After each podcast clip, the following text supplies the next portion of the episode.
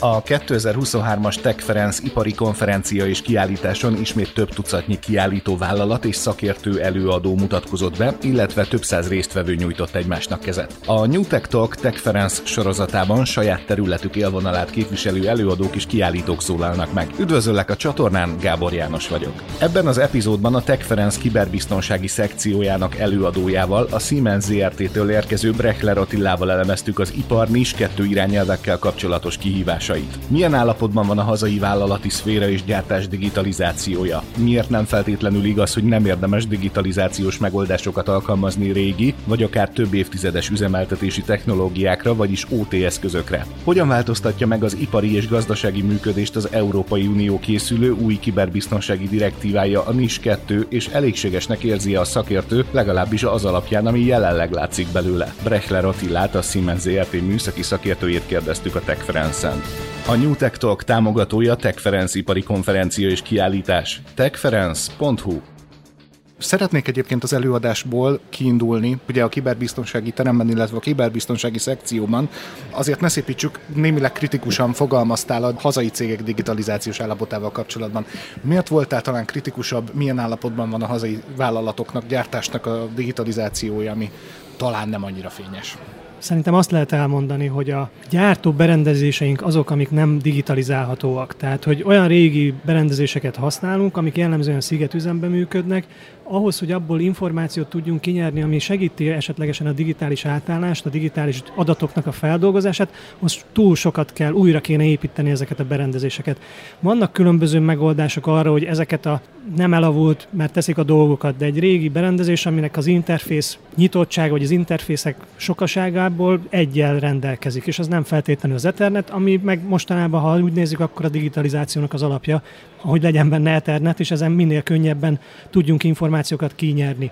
Másrészt pedig ugye ezek a régi vezérlések zártak abban a szempontból, hogy általánosan a gyártói kommunikációt támogatják, a gyártói protokollokat támogatják, és ezáltal nem lehet rájuk olyan külső interfészt implementálni, amik ezen keresztül tudnak megfelelően kommunikálni.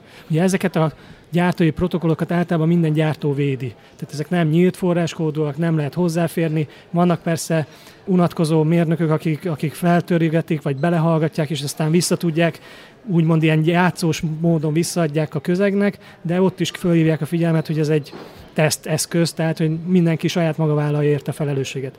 Az új irányú PLC-k, vagy az új fejlesztésű PLC-k, kontrollerek alapvetően már Ethernet interfésszel kerülnek ki, és az ipar 4.0-nak a forradalmának az egyik ugye zászlóshaj az OPC-UA, ami segíti azt, hogy ebbe a digitalizációs rendszerbe beintegrálódjunk, és ugye ezért minden gyártó igyekszik bevonni az OPCU a kommunikációt a saját kontrollébe, levinni egészen a terepi szintig, akár egy tápegységig, egy IO szigetig, tehát hogy már elég mélyre leágazunk, és ugye ez mondjuk az első része, hogy digitalizálunk hogy valamilyen módon az, az adatokat elérjük a vezérlésből, elérjük a berendezésből. Ezeknek az adatoknak a feldolgozásával persze aztán tudjunk javítani a berendezésünk működésén, hatékonyságán. És ugye ez az, amiben szerintem a magyar vállalatok vagy vállalkozások, gépgyártók kicsit messze vannak, mert költséghatékonyan oldják meg. Arra oldják meg a berendezést, amire elsősorban kiírják. Ha csövet kell hajlítani, akkor csőhajlító, és majd másodszorban információs központ nagyon jópofa dolog külső szemlélőként azt látni, amikor profi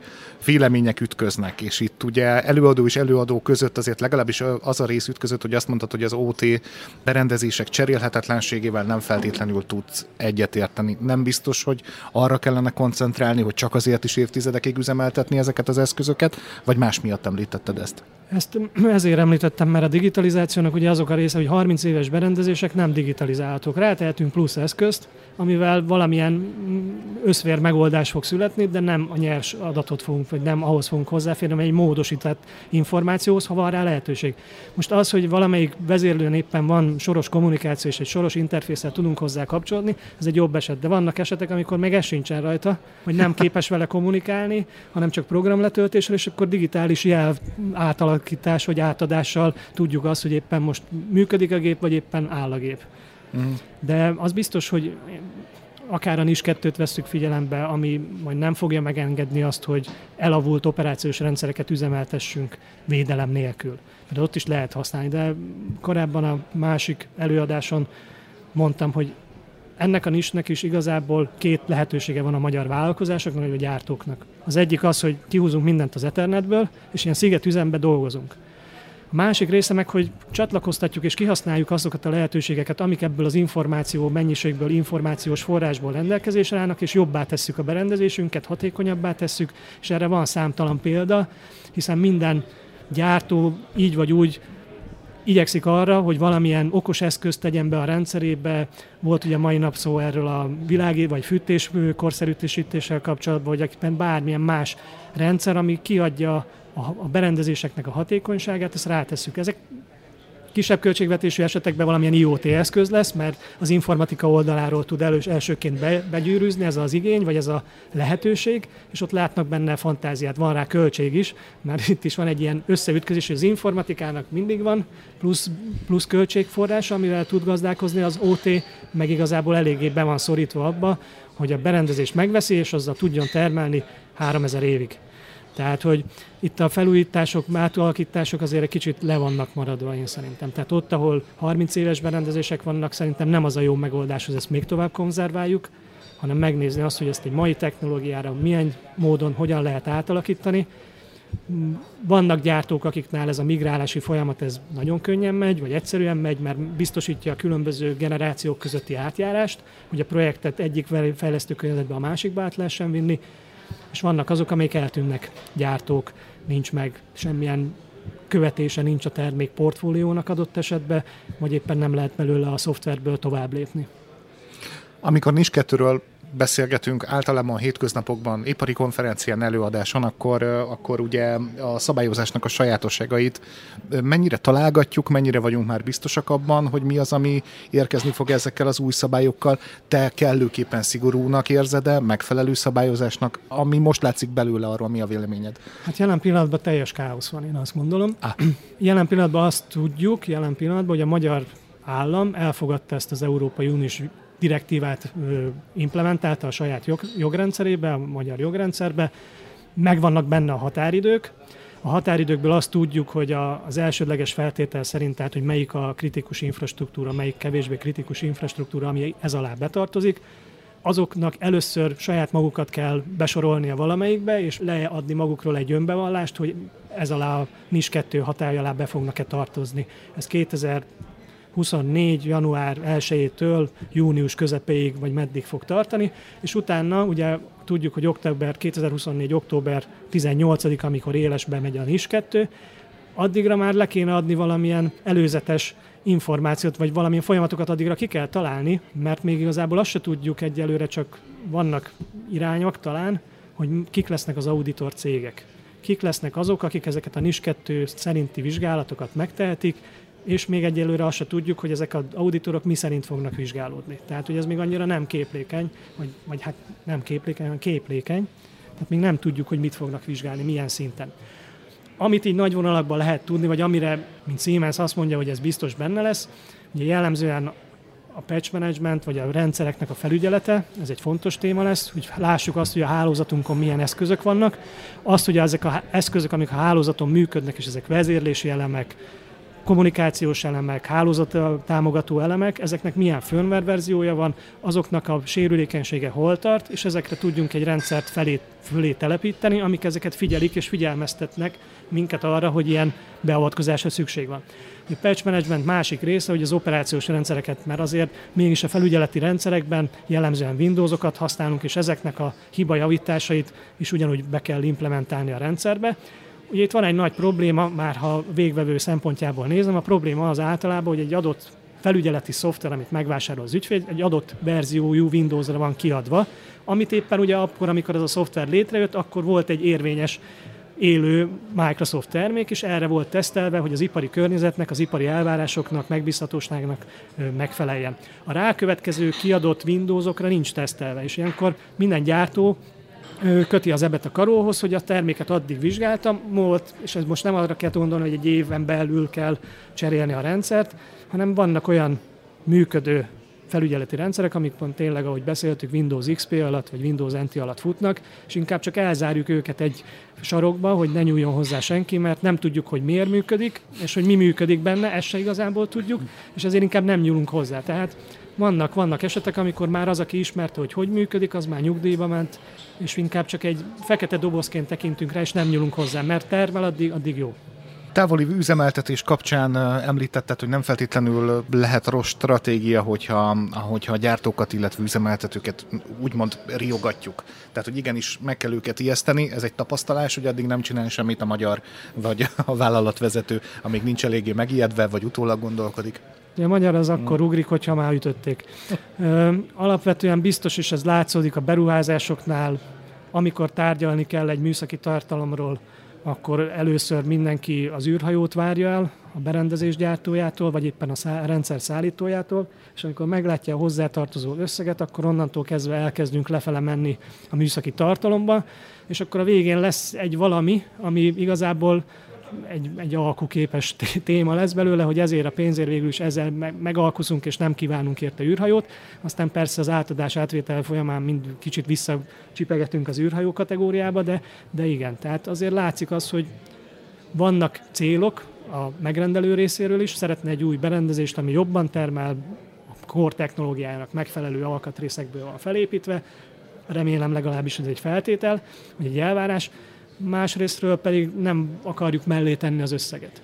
És azért azt is el lehet mondani, hogy a Siemens is az elmúlt időszakban azért jelentősen javult a versenyképesség területén, tehát már nem lehet úgy azt mondani, mint egy, most is az előző is beszéltük róla, hogy a vevők azt mondja, a Siemens nem, mert az drága. Tehát szerintem ez a, ez a régi mondás, ez megdőlt. Tehát sok olyan rendszerünk van, amit utóbb átadtunk, és nem, nem az ára volt a a legolcsóbb a kérdéske, vagy nem az volt a fő motiváció erő, hogy az azért nem választjuk, mert drága. Van-e itt még egyáltalán döntési opció, amikor digitalizációról, illetve kibervédelmi intézkedésekről beszélünk? Akár mondjuk a régi eszközök kapcsán, amikor eljuthat egy hacker addig, hogy megemeli a, a klór koncentrációt egy városnak a, az ivóvíz hálózatában, ez az amerikai eset például, hmm. akkor beszélhetünk-e arról, hogy, hogy ez egy luxus dolog, ez még mindig döntés kérdése, hogy védek ezek-e? Alapvetően szerintem, ha ezeket a kritikus infrastruktúrákat veszünk, mint az ivóvízellátás, a szennyvízkezelés, az energiaellátás, akkor ezeknél ugyanúgy, mint ahogy a bankszektorban nem kérdés, így szerintem ezeken a területeken sem szabad lenne, hogy kérdésként merüljön föl, hogy a kiberbiztonság valamilyen formáját nem fogjuk alkalmazni. Ugye alapvetően a NIS 2 szabályozás azt fogja előírni a cégvezetők részére, hogy kijelölje a megfelelő cybersecurity és kibervédelmi kollégát, aki felel azért, hogy megfelelő folyamatok legyenek definiálva, meghatározzák a sérülékenységét az üzemnek, az egyes berendezéseknek, és ezekre válaszul megfelelő lépéseket tegyen meg. Az is lehet egy lépés persze, hogy leválasztjuk, ahogy mondtam, kihúzzuk belőle az ethernetes, és elhagyjuk, hogy csak 20, 220 volt belemegy, vagy 230, és ezzel boldogak vagyunk, hogy az ott termel, hajtogatja, amit kell, de igazából nem vagyunk kíváncsiak az adataira. Ez is egy megoldás. A másik meg persze, hogyha információra van szükségünk, akkor kitaláljuk, megvalósítsuk azt a rendszert, ami megvédi megfelelő módon a berendezésünket, de mégis kapunk belőle információt. Ez nem feltétlenül jelenti azt, hogy le kell cserélni a vezérlésünket, lehet, hogy egy, eleve egy kommunikatív berendezésről van szó, tehát beszélget velünk, ad nekünk információkat, viszont kell kiegészítő berendezést, egységet mellé tenni, amivel meg tudjuk védeni a külső támadásokkal szembe.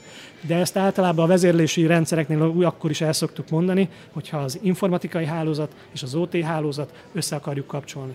Mindig el szoktuk mondani, hogy kell egy megfelelő határpont, ahol összekapcsoljuk a kettőt. Tehát nem lehet az, hogy van egy switch a szekrénybe, valahol a terem végébe, és az összes irodai számítógép igazából abba van bekötve, és akkor valamiért gondolunk egyet, és az egyik PLC-nek a vezérlés kommunikációját oda beledugjuk, hogy majd valaki az irodából elérje. Tehát, hogy ez nem fe, ez végül is működő megoldás, mert működni működik, csak nem védett ebből a szempontból. És ugye az összes ilyen kibertechnikai szaktanácsadásnál el fog hangozni, hogy az a jó védelem, vagy az egy megfelelő védelem, hogy minél apróbb szegmensekre tudjuk bontani a gyártósorunkat, a gyártóberendezéseinket, minél kompaktabban tudjuk megvédeni egymástól. Persze ez egy másik kívást is ad, hogy azért ezek a berendezések egymással beszélgetnek, real-time vagy IRT kommunikációval, és ezt azért át kell engedni ezeken a tűzfalokon, hogy ne legyen csorba az időben. Tehát, hogy időben odaérjen az összes telegram, megfelelő információk, tehát hogy ez egy másik fontos és kritikus téma, az OT vonatkozásában. Tudnál-e mondani olyan közelmúltbeli Siemens munkát, építkezést, infrastruktúra,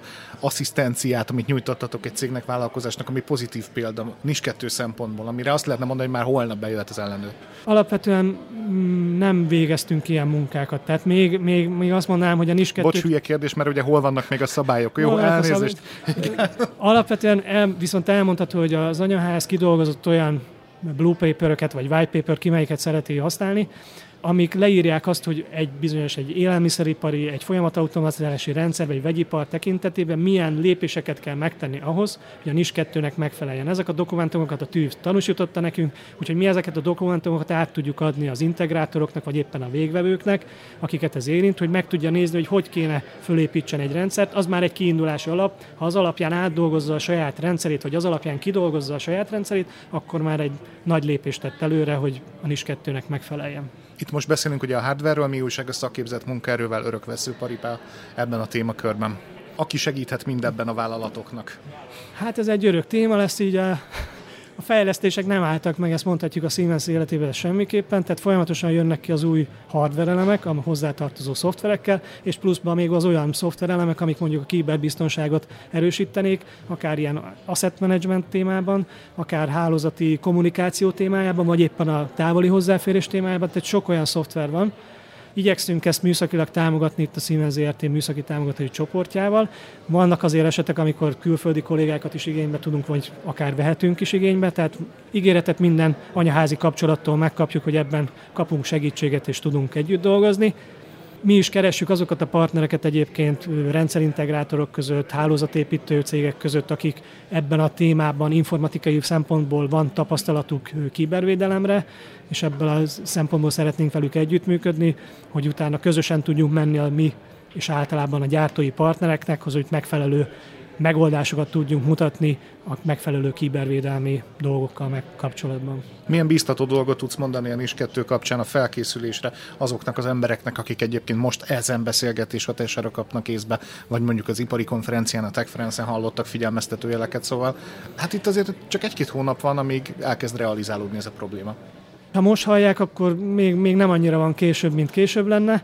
Biztos, hogy el kell indulni ezen az úton, ezt lehetőségként kell tekinteni. Azzal, aki meglépi a NIS 2 szabványnak való megfelelést, az előrébb lép a gyártói rangsorban. Hivatkozhat erre, versenyelőnyt képezhet belőle, hogy neki van ilyen biztosítása, ilyen tanúsítványa, hogy ő ennek és ennek megfelelően tud gyártani, termelni, akár szoftvert fejleszteni, egy rendszerintegrátor, egy berendezést átadni, mert a megfelelő védelmi mechanizmusokat beleépítette már a fejlesztésbe, és a berendezés ennek megfelelően a valószínűen a gyártó igényeket is ki fogja elégíteni, amikor majd megjelenik nála a szakhatóság vagy az auditor, és megkérdezi, hogy ez milyen berendezés, akkor el tudja mondani, hogy van nekem róla papírom, hogy ez a cég, aki idehozta, ez már megfelelő tanúsítással, tanúsítványjal rendelkezik. Tehát ez fontos lesz majd későbbiekben is, hogy a berendezés gyártók, vagy az olyan cégek, akik beszállítanak akár csak egy szoftverkomponest egy gyárba, hogy azokat ugyanúgy kell vizsgálniuk, ugyanúgy biztonsági kockázatot jelenthet, ha egy Excel addint fog megkapni valamelyik gyártótól, mert azt nem vizsgálta még senki, csak betette, és az ugyanúgy sérülékenységet jelenthet adott esetben, amire fel kell készíteni. Tehát ez minden szinten egy kicsit újabb gondolatokat fog kerjeszteni az informatikába is, és magában a gépgyártásban, vagy éppen a gyártás technológiában. Magyarán hasznos.